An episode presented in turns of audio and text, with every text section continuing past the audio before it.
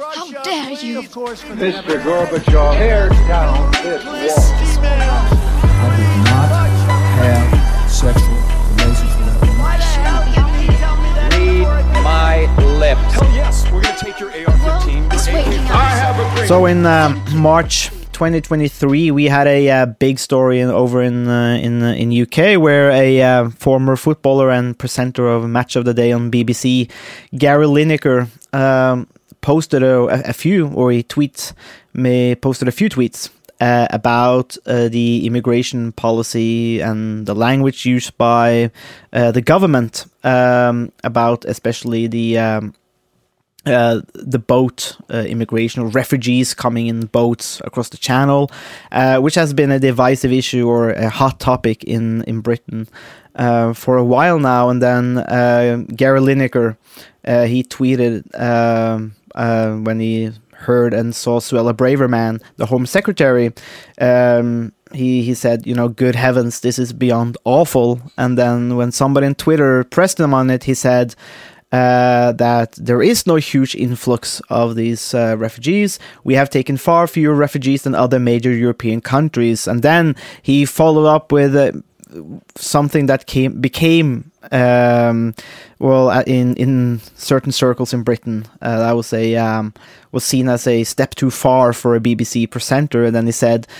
This is just an immeasurably uh, cruel policy directed at the most vulnerable people in language that is not dissimilar to that used by Germany in the 30s, and I'm out of order? Question mark. Uh, and that created a massive uh, stir. Uh, he was taken off air, uh, and then recently they have reinstated him. Uh, he stuck to his guns. He has not apologized, but there's been a lot of discussions about uh, this tweet, the politics, and the language. And then I thought, you know, we need we need to bring a friend of the podcast back on to uh, to discuss it. So welcome to you, Matt Matravers. Thank you very much. It's great to be here. Yeah, I mean, first off, I mean, what is going on in your country? right. Okay. Well, there's an awful lot going on, sadly, but um, I, I think probably the best place to start is is with the small. What's the background? Why why is this such? As you you said, it's a hot topic. Why is it such a hot topic? And I think to talk about that, it's useful to distinguish between the phenomenon of small boat crossings and the crisis, the so-called in this country, the crisis of the small boat crisis. So, what's the phenomenon? The, the phenomenon is a real one. There are lots of people traveling across the uh, the, the channel between France and England um, on very small boats, paying people traffickers their life savings. About forty five thousand last year. Some of them die because they're put on terrible craft, and so there is a real phenomenon here that is that is tragic. Um, it's often very small. I mean, in in grand terms, forty five thousand is a small number, but of course these are human beings, and they're they're often vulnerable human beings, and they are paying people traffickers. So so there is a problem. Um, but we need to distinguish between that problem and the so-called crisis. The crisis is a kind of political confection of the Tory party, um, both by and for the Tory party. So, so why is it by the Tory party? It's by the Tory party because for two reasons, really. Um, the first is there are no legal routes. Unless you come from Syria, Afghanistan, or Ukraine, you cannot get to the UK legally. And you can only claim asylum from within the country. Mm-hmm. So if you're, a, I don't know, if you're, a, you know, an, someone in Cameroon who fears, gen, has a genuine fear of torture, and you have a brother who lives in England, there is no legal route for you to get here. So the government, by refusing to create legal routes, encourages people to take I- illegal ones. Mm. The second, as so often in England, goes back to Brexit. Uh, most most of the dysfunction in British politics goes back to Brexit, which is that when when we opted for the hard Brexit, we left the Dublin Accords, which which were accords that allowed uh, European countries to return refugees to safe safe European countries through which they'd travelled. Not always, but sometimes. We can't do that anymore, which means anyone who arrives here and successfully um, uh, applies stays here.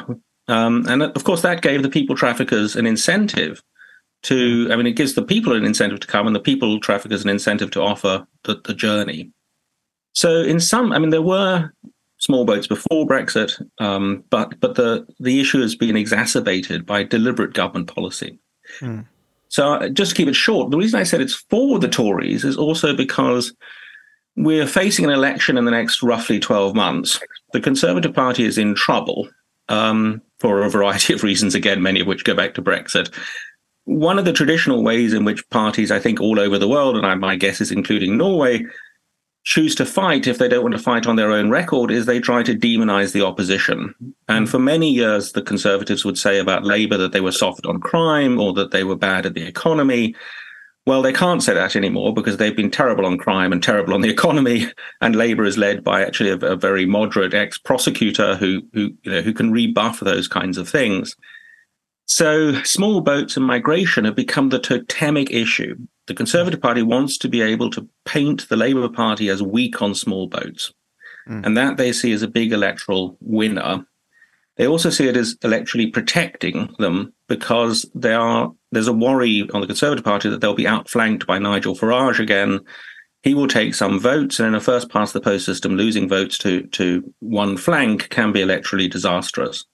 So they're both trying to shore up their own support, but also give themselves a kind of um, baton with which to beat the Labour Party. Yeah. So And, and sorry to go on, but that's why the issue is so hot. And that's why, you know, a sports presenter tweeting, which you would think would not be the most important thing in the world, yeah. has been on the front pages of the newspapers for five consecutive days. Yeah, and but, And but I mean, why. but I mean, when you when you when you read then uh, Lineker's tweet, it doesn't seem out of order, you know, in, as a critique in a way of you know because you have the phenomenon as you as you pointed out, but then you have you know the the surrounding discourse and practices uh, around that phenomenon and and and because I, I think at least one thing that is obvious is that and from from what you're uh, saying as well is that you know they are picking on oh, the vulnerable people, the most vulnerable people in in in an election fight. So you know, it, it doesn't seem completely out of order, but then you know, as a critique, but then uh, a lot what a lot what struck a lot of people, you know, or you know, made him made him hugely negative towards Gary Lineker was that comparison with uh, Germany in the 1930s, and this is like you know the crux of the issue in a way, and or or of the debate, I guess. So I guess we can just tackle that, you know, immediately. How do you feel about that? uh, You know, that uh, similarity or that analogy? Right. So, so just take those two things in turn, if I may. So that, so you're right. Normally, somebody tweeting about an aspect of government policy wouldn't be big news. So if Gary Lineker had tweeted that he thought that the Bank of England shouldn't put up interest rates by 0.5, but by 0.25 percent or base points, you know, this would have nobody would have noticed, other than to think Gary Lineker knows something about the economy would have been a surprise. Um, but and that's why it matters so much that this is this totemic you're either for us or against us policy. So it wasn't just that he was tweeting about government policy. He could be portrayed as, and it was useful initially for the Conservatives to portray him as kind of anti-patriotic, not with us, one of them, you know, a liberal, a rich liberal, you know, left-leaning, Guardian reading vegetarian type who, who of course opposes these things because this is no longer a rational policy. It's no longer a discussion of how we actually sort out this problem. If it were, we'd be discussing legal routes and we'd be discussing Dublin Accords and things like that, but we're not. It's either for us or against us. And then that's why, to come to your point, Suella Braverman, the, the Home Secretary, and her predecessor, Priti Patel, have, in order to stoke this this fire, have used language that is rarely very close to. Well, it's certainly unusual. They they've used the language of hordes of immigrants. They've used the language of invasion, invading our southern coasts. Um, and as you said a while ago, this was picked up by a Holocaust survivor who confronted Suella Braverman in, in a meeting and, and stood up and said, Your language reminds me of the language of of the Nazis. And language like that is is not acceptable in a in a democracy. And most importantly, it's dangerous uh, because it can lead to further escalation. She was initially ignored by Suella Braverman and then and then sort of pilloried by the Home Office. Um, Gary Lineker picked up the same point, and uh, uh, you were very careful to say in a way that the BBC, in the way that sorry, the British uh, media hasn't been to point out that he did not compare the policy to the policy of the Nazis. You know, nobody thinks the British government is about to build extermination camps. And if the comparison had been with Nazi policy, I think it would have been inappropriate. Yeah. But the comparison was with Nazi language, and particularly the language of the 1930s, the language building up to uh, the worst aspects of the Nazi regime. It was it's the language of exclusion. It's the language of you're for us or against us. It's the language of enemies within, mm. enemies of the people, which is a language we've seen already um, uh, used against judges in this country by the media. Mm. And Lineker picked up, and I I I think it's pretty uncontroversial yeah. that that language is dangerous. Now, as to the aptness of the analogy, I mean, I think it's historically apt one could argue that it's kind of you know it's in etiquette terms insensitive or it's just you know it, it's a comparison we should leave for last resort and that's probably right.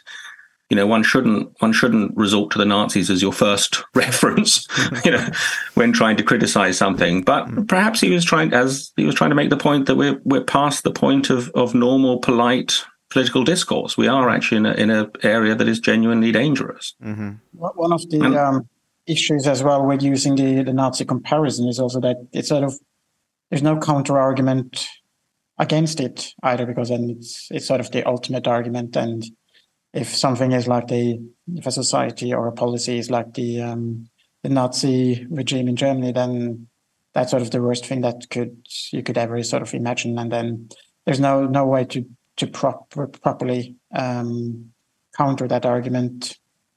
Uh, either. So it's sort of it's a very um, it just leads to this uh, perhaps this very toxic uh, situation, and then uh, making it um, in one way making Lineker an easier target as well, since he is a former footballer uh, with lots of money and he's on the BBC uh, almost every week, and then he he becomes sort of the uh, a very a very easy target to take down for the um, uh, for the current government as well.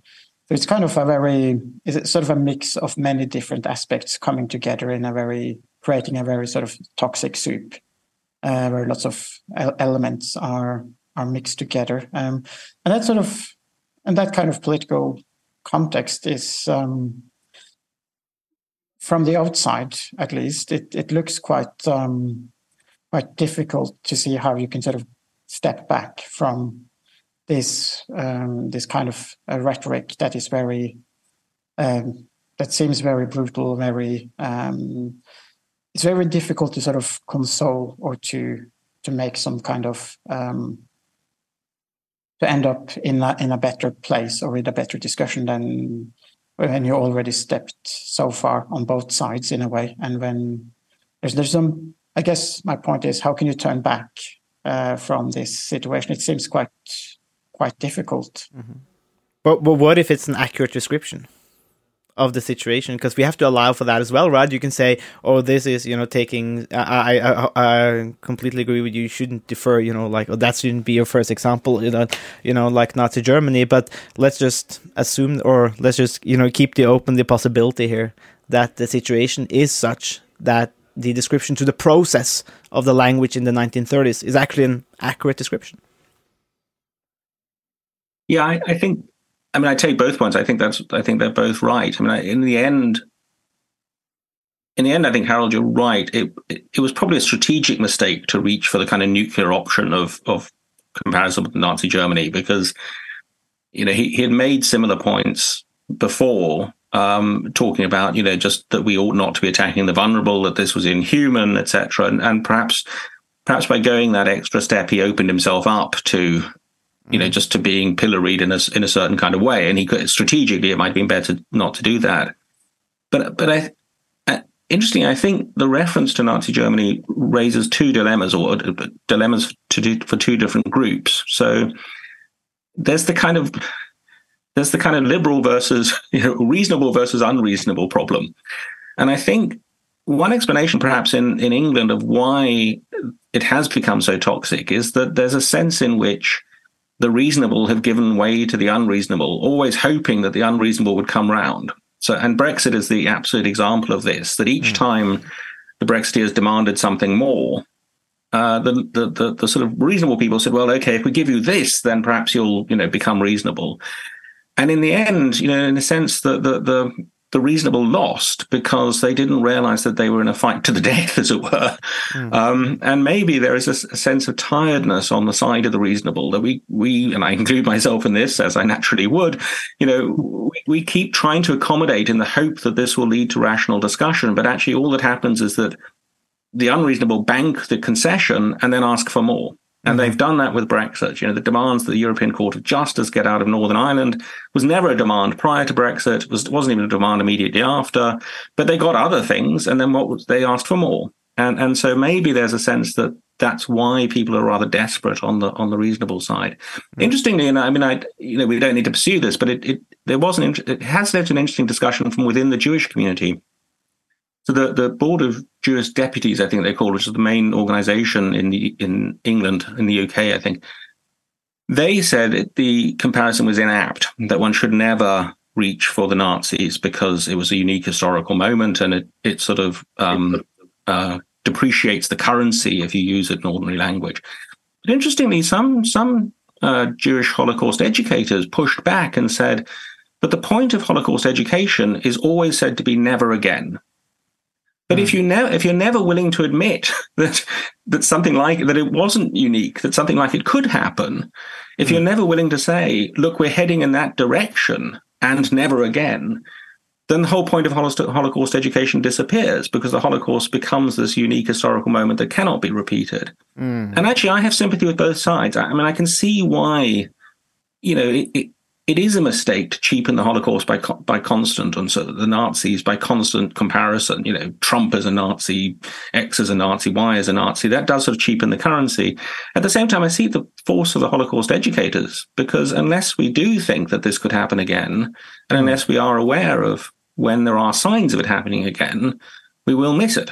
Yeah, and that a, seems important. That's so a great I think the language issue is a really interesting one, but I, I think it raises issues on both sides, and I can see why both sides are pushy and hesitant, as it were. Yeah, but but but that's an excellent point because uh, I I wasn't aware of it, but then I, I think because when you think about the Holocaust education and you say you know never again, that's never it should never happen again. The problem now is that you can never speak of it or, or like or admit the possibility of it happening again. But i think if there's one thing that we could learn from for example uh, for example the work of hannah arendt is, the, is just the banality of evil is that the whole point is that it does happen and you don't have to be a hitler to actually carry on or condone certain things. You can be normal people just carrying on your job, and the banality of evil. Evil is banal in you know in many ways, and you have other people you know from the Frankfurt School who also dealt you know who are also Jewish who also dealt a lot with you know to try try to come to terms with what happened with Nazi Germany, and you know, and and and they also struggle with you know,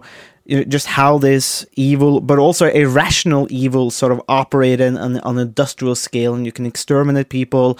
Uh, and then you point to the language, and we've seen that in other in other countries as well, right? Where you vilify people or you know minorities, and then you carry out carry out you know uh, horrific uh, acts towards them based on this justification from language and i uh, and so you know um, i think that story is really interesting and i think it should be a warning sign for a lot of people because for, to me at least it shows the tyranny of the majority. So if the majority just you know can agree for instance tomorrow that all the welsh people are the enemy within and they should be exterminated well if the majority they can you know turn towards other people that's why we have law. That's why we have institutions i guess you know, you know to actually protect people from you know these um, moments in history where, where where it can turn. So you know that's um yeah, no, it, interesting discussion. I, I, agree, but I, I think Harold's question then is a good one, which is how, how do we how do we get yeah. back? You know, and I, I, think it's not just England. You know, it's it's mm. happening in Tunisia. It happened in the United States with Donald Trump. It, it, it's happened. It happened, of course, in Hungary and Poland, and it's happening tragically at the moment in Israel. Yeah. You know, how do we get back from a situation in which politics is no longer about you know reasonable disagreement towards an end it's now about taking sides and i think that's that's what really frightens me here partly because i think harold's question of you know well once once once both sides take sides. Once once it becomes you know you're appalling, no, you're appalling. Yeah. Um, it's actually very difficult to see how one gets back to a politics of normality, or even um, you know even a, a kind of um, a unity around which people can say, well, I disagree with that policy, but I'm still willing to sort of put up with it. I'm not going to claim it's unpatriotic. I'm not going to claim it's un-English. I'm not going to claim it's the product of being the enemy from within. Mm-hmm. Um, and it does worry me across Europe um, and elsewhere, Tunisia, um, that, that we're moving very rapidly towards this very adversarial politics. Mm. And I, I, think it's even more worrying when you look at um, slightly sort of similar context and situation historically. Um, many many times such situations ended in civil war, as in the U.S. in the 1860s, um, and then the Second World War in Europe. Um, so it, it, seems that sometimes these issues they sort of move on, move forward, and become more and more polarized, and then uh, end up uh, with violence, and then everything is being sort of reset uh, after a civil war or a war, and that's and that would be um, obviously extremely tragic if if it came to that in Europe and and many other places. Uh, but historically, that seems to be be the solution uh, sometimes, and that's that's a, that's at least what that's what makes me a bit worried um, about this situation becoming more and more polarized. That historically it doesn't end well uh, in many cases; it just gets worse, and then eventually the situation is reset after um, violence or um, wars or civil wars. Um, so that that's a bit it's a bit um, um, it's not very cheerful, uh, perhaps, uh, but it's uh, it's a bit. Um, and I mean, we're quite far from civil war or, and violence in, in most places in Europe, but um, at least historically, mm. is- and yeah, I mean, and of course, in a sense, in in the United Kingdom as against England, you know, there, there, might be a way of resetting which doesn't actually involve war, but might involve the dis- dissolution of the union. I mean, mm. you know, because it's characteristically it's not true of the Scots um, that they think the same way, and and you know there there there have been this kind of politics isn't helping with the attempt to kind of keep the union together, and that that and you know the the prospect of civil war. I mean, it, probably is distant, as you say, Harold, but I don't think if you'd said a few years ago, you know, do you really think that a, a sitting US president would challenge an election and refuse refuse a peaceful transfer of power and his supporters would, you know, would um, would raid the Capitol building, one would have said no. You know, that's just not imaginable in, in mm. the United States. And yet it happened. And I think unless we unless we keep an eye on these things. And as you say, it's it's they will repeat themselves. Mm-hmm. I mean, one thing to say, I, I, don't want to bore your Norwegian listeners, but with with you know esoteric aspects of the BBC. But I, I think it is worth just giving you one more aspect to this particular thing, which is one way, I guess, in which political scientists in particular hope that these things are kept at an equilibrium, you know, is because institute because of the existence of institutions that have have their own longevity beyond you know who happens to be in them. Mm-hmm. And one of the problems, of course, we've got in England, particularly after Boris Johnson, is the general corruption of institutions, and in particular, even where there isn't corruption, the perception that um, that the government is, in a sense, has in a sense become rather um, not corrupt in the strict sense, but you know, gives jobs to its friends, promotes its friends, gives you know, Boris Johnson apparently wants to give a knighthood to his father. Um, there's a general sense of that sort of loss of faith in institutions, the police, the judiciary. And the BBC is particularly affected by this in this current debate because the BBC is, in a sense, independent, but its its its main um, the people who run it are largely appointed by the government, and one of the big problems, and I'll just you know, I, will name them, but it won't mean anything. But the chairman of the BBC um, was the man who it was revealed uh, assisted in some way Boris Johnson to get an eight hundred thousand pound loan recently, sort of off the books loan to keep him going. He's a donor to major right wing think tanks. The director general of the BBC, so the man responsible for actual policy, is a former uh, Tory party councillor. Uh, he, he, ran to, to be a Tory party councillor. The director of news is a former editor of the most right wing news uh, broadcaster in the UK. And, um, and the Tories have put their own supporters on the, the BBC board. So when Lineker did this, an interesting phenomenon arose, which and I, I think the phenomenon itself is is a genuine problem, which is what should what rules of impartiality should apply to public broadcasters. So in one sense, it's perfectly reasonable to say, you know, if you're a public broadcaster, you know, let's imagine I don't know what the situation is in Norway, but imagine you're the main news anchor for the main evening news. So people watching you expect you to deliver the news in an objective and impartial way. Should you be constrained in what you can tweet in a personal capacity? Well, probably yes. So it's hmm. not unreasonable to think that just the same as I, if I tweeted, you know, my university is a terrible place, I would never come and study here, which I don't believe. I love my university. You know, my, my employer could say, look, you work for the university. It's not appropriate. You can tweet about other things. You can go on and talk about Lineker uh, on a podcast, but there are limits to what you can do. Um, now, two things happened. I mean, one is so, so the BBC has impartiality rules that its employees are meant to be quote unquote impartial, particularly on party political matters. Two questions arise really. One is, is that a plausible policy? How can you interpret it? And the second is, does it apply to everyone Mm. who employ who, who works for the BBC? Now, the people who say yes to the latter say, well, Lineker wouldn't have the profile he's got if he weren't on the BBC. So no, he's not a news reporter, but he's famous because he's on the BBC now. I mean, it's a long time since he was a footballer. So he should be governed by the rules. The people on the other side say, look, it's it's it's it's just a violation of freedom of speech to say that nobody could ever tweet about anything because they happen to work for the BBC.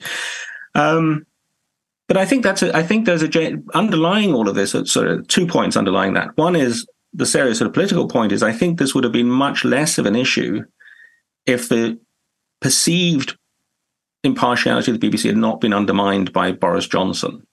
So there's a background here of general belief that all our public institutions have been corrupted with a small c.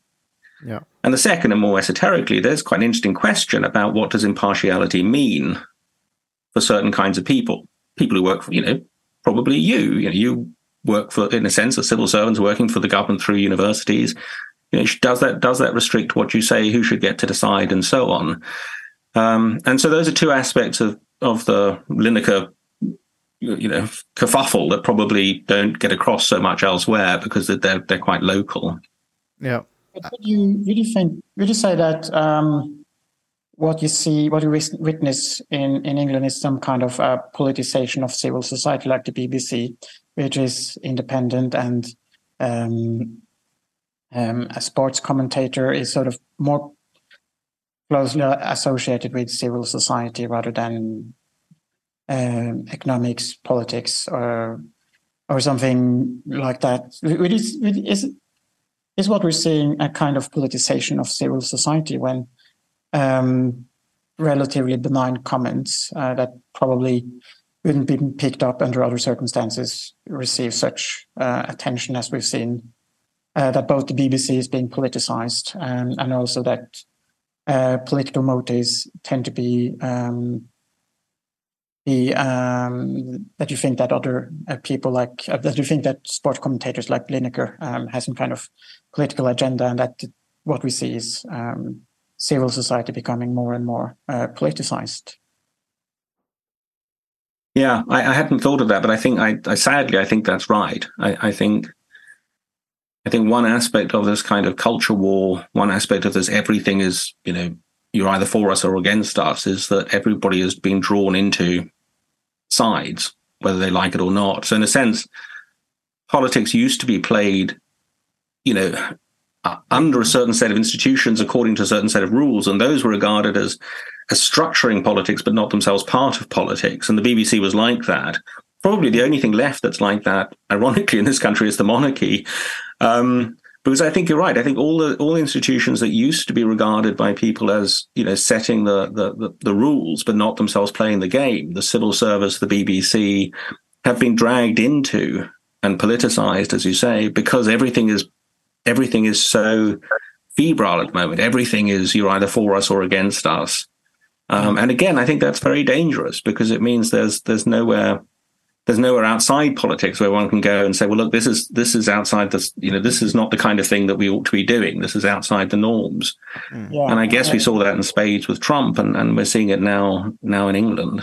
Well, there are, you have political scientists like Putnam uh, talks about the importance of civil society as um, meeting points, meeting ground for where people with different backgrounds can meet and encounter each other without um, being hostile and where they can sort of develop social capital and trust and so on. And when the civil society becomes um, more politicized, all that sort of social capital and the opportunity for building trust disappears, and then it just you just end up in a vicious circle where everything is deteriorating rather than um, than creating trust and, and, sort of holding up support for those um, institutions such as uh, the BBC and, other uh, institutions part of the uh, the civil society. But but I suppose maybe you could you could run an argument like that um, according to sort of Putnam's um, arguments uh, on on social capital and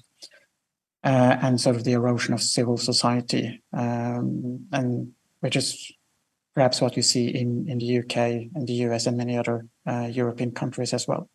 Mm.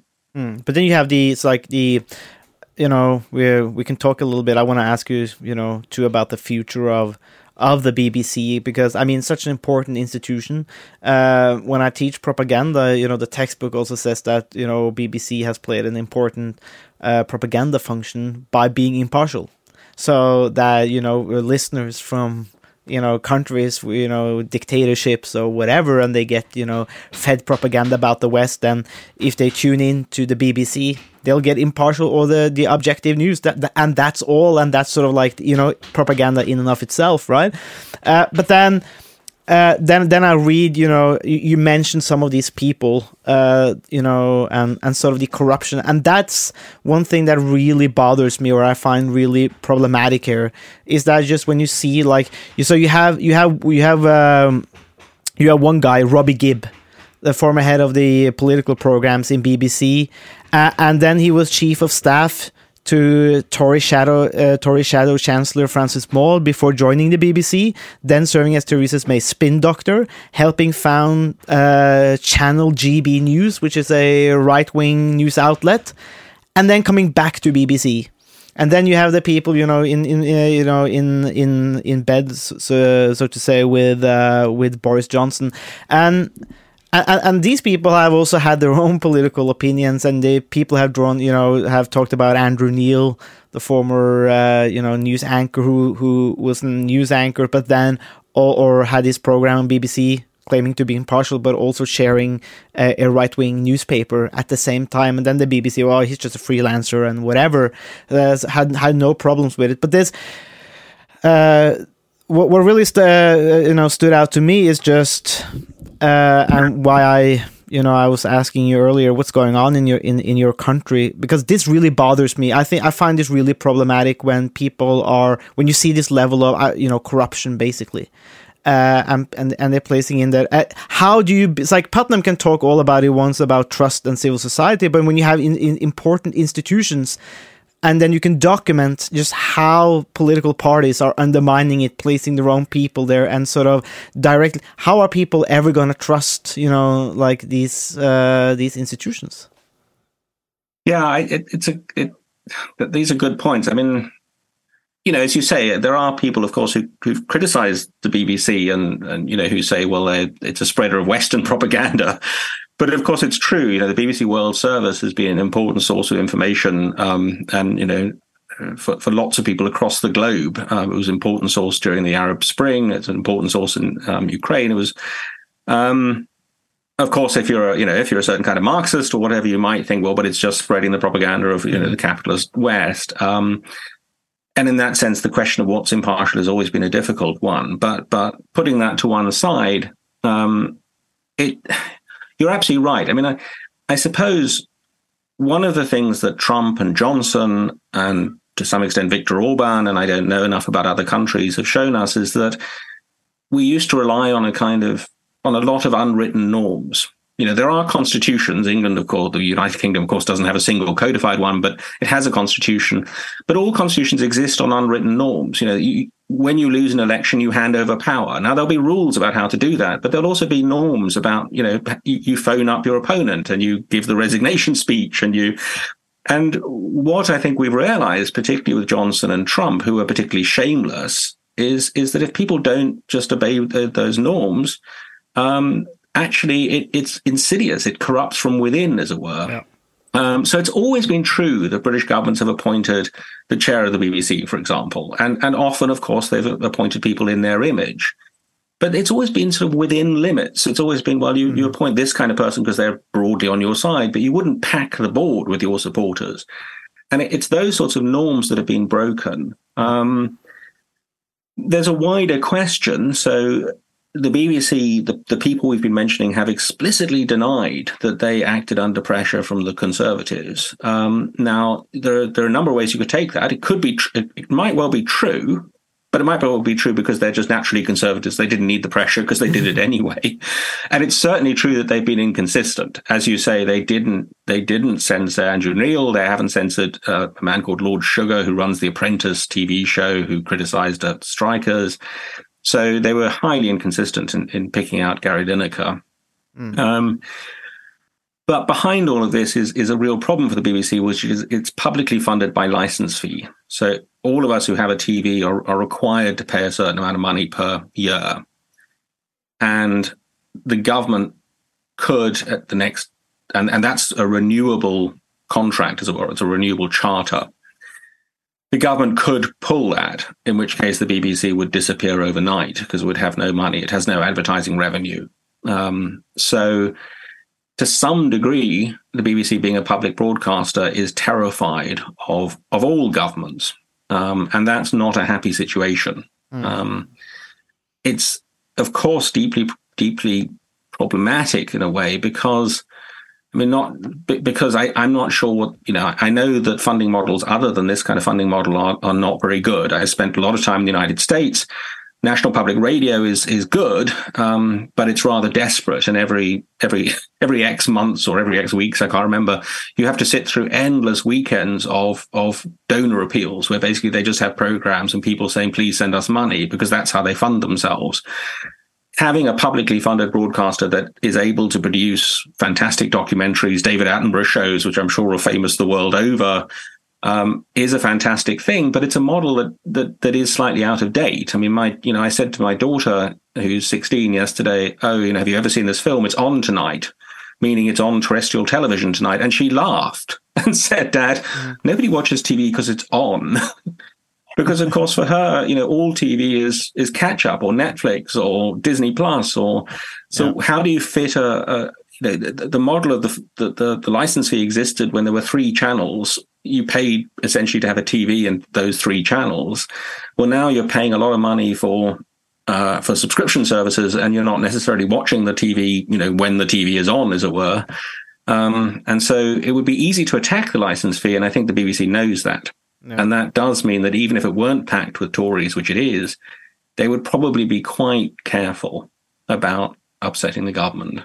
Um, f- from the, um, the, um, sort of the right wing uh, politicians' perspective, isn't this also a bit the case that what they have done with the BBC is a way of sort of beating back against the sort of liberal uh, assumptions that they they thought many of the BBC presenters had in the past, and that BBC and the rest of the media had some left leaning sympathies, and now they are just leveling uh, the battlefield. Um, uh, obviously, that narrative um, uh, is most likely a flawed narrative, but it, it sort of it. When you when you see what's happening with the BBC, it seems that these are some of the ideas and thoughts uh, that sort of can justify and, and lies under the um, the way of, of packing the BBC board with um, um, former Tory politicians and people with affiliations with the with the Conservative Party and so on. It's and it's it's just now we're now we're just leveling the battlefield rather than ruining the institutions. But uh, and then they obviously um, end up ruining the institutions uh, quite quite badly. But it's it's just a way of the way they present it is more like this is a way of uh, getting even with the um, with the liberals and the left leaning media Yeah. that have dominated in the past. I think that's right, and I and I think it's I think long term, you know, the, the Lineker affair will be forgotten by next week. Um, you know, the, the BBC has backed down. So, so I don't know whether your, your listeners know, but I mean, what immediately happened was that he was removed from presenting uh, Match of the Day on Saturday. Uh, that was probably on Thursday or Friday. Immediately, all his co-presenters refused to to turn up, and other presenters on other sports shows refused to turn up. So the sports schedule at BBC was utterly decimated over the weekend. And what was more interesting was it became apparent that the vast majority of the population supported him. It, uh, whether they supported his views, we don't know, but they they there was strong support for his right, as it were, to say say what he said. So as of yesterday, the BBC has essentially capitulated, and, and Gary Lineker will be back presenting along with everybody else. Um, but I think so. So the Lineker affair itself will disappear. But but as as as you said, Sondre, at the very beginning of the podcast, I think what's really frightening is is what it what it what it shows and what it for, for portends. Because I think Harold is right that we are now, I think, at least in England, in a broad culture war. And everybody who is against the government is portrayed as some kind of enemy, some kind of left leaning, guardian reading, you know, vegan, animal loving, tree hugging hippie. Um, and that the extraordinary thing is, and, and, and you saw a similar thing with Trump. I mean, Trump's attacks on the deep state. Uh, when we had Brexit, we had an attack on what was called the blob or the establishment. So there's this presentation that there are sort of forces, and there is an anti Semitic element to this. I think there are forces, sort of global forces working against the will of the people. And that's terrifying language. Mm-hmm. And I mean, one reason why I think I, I think Lineker was right, and one reason why some of us are so upset is not just the language of hordes of immigrants invading, invading. It's that when Suella Braverman introduced this, she explicitly said that it might violate uh, the UK's right, the UK's obligations under the European Convention on Human Rights. It might violate international law. And she then went on to say something like, and lefty lawyers will try to stop us. Mm. So, so she's presenting people who are protecting fundamental rights as part of this blob, part of this deep state, part of this enemy of the people. And that's really terrifying. I mean, most, yeah most lawyers I know, at least the ones who are expensive enough to represent uh, countries in, you know, in, in international courts, are not at the cutting edge of radical Marxism. You know, um, and yet everybody, I think what Harold says is is right. Um, everybody has been drawn into this culture war, and if you're not for this really horrible right wing rhetoric of you know immigrants are bad, it's all their fault, they're coming here. I mean, it's not quite you know they're raping our women and, and eating our babies, but it's not very far away from that. Yeah. And anybody who's opposed to that is is is pictured as an enemy. When, and, when, and when you're portraying human rights lawyers as an enemy, something has really gone wrong. Yeah. When, when do you think they will start to use the um, the threat of the Vikings um, coming back? Uh, raping and pillaging in the UK, as we um, proudly did about um, thousand years ago. Is that the next step on this uh, sort of escalation ladder? I, I suspect the Vikings were okay because they, you know, mm. they, they weren't quite Anglo Saxons, but they were close enough. Whereas, um, yeah. but um, no, I mean, it's hard to deny that there's a there's a, a race. Well, it would be it would be stupid to deny that there's a race element to this. Um, yeah. it, it would also be stupid to deny that there's a there's an there is an issue. Uh, there are people who are coming across on the boats who are economic migrants, not asylum seekers and refugees. But again, one of the one of the depressing aspects of all of this is it's impossible to discuss that rationally because it's it's it's got trapped in this rhetoric. Yeah, um, that's I mean I mean that's Harold and I talked a lot about this, uh, you know, on our podcast, but also what we teach, and we've seen something similar in Norway, right? It, it's not it's not on the UK level or the English level, but we have seen, you know, from the our, you know from the previous government we had also a right wing government where they also uh, breached norms of a hundred years, you know, by appointing friends to high positions, you know, to official positions, you know, constantly, you know, uh, do not want to disclose important information to the parliament, to the to the institutions that are trying to control them, to see if they are breaching the limits, you know, the institutions. We had that in our previous period, and and and seems like there's a trend in Norway as well, where politicians are more they're more willing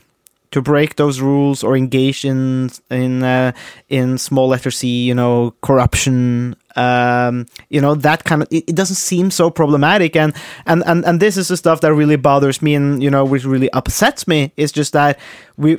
And and you talk about it, and so I, I see the connect. I'm, I'm trying to connect it here, but I see I see the connection, and that is a more like it's a disregard now more for the rules and institutions. You know, you set the limits for our political discussions. You can disagree, but that those are within those limits, and and, and they're there for a reason.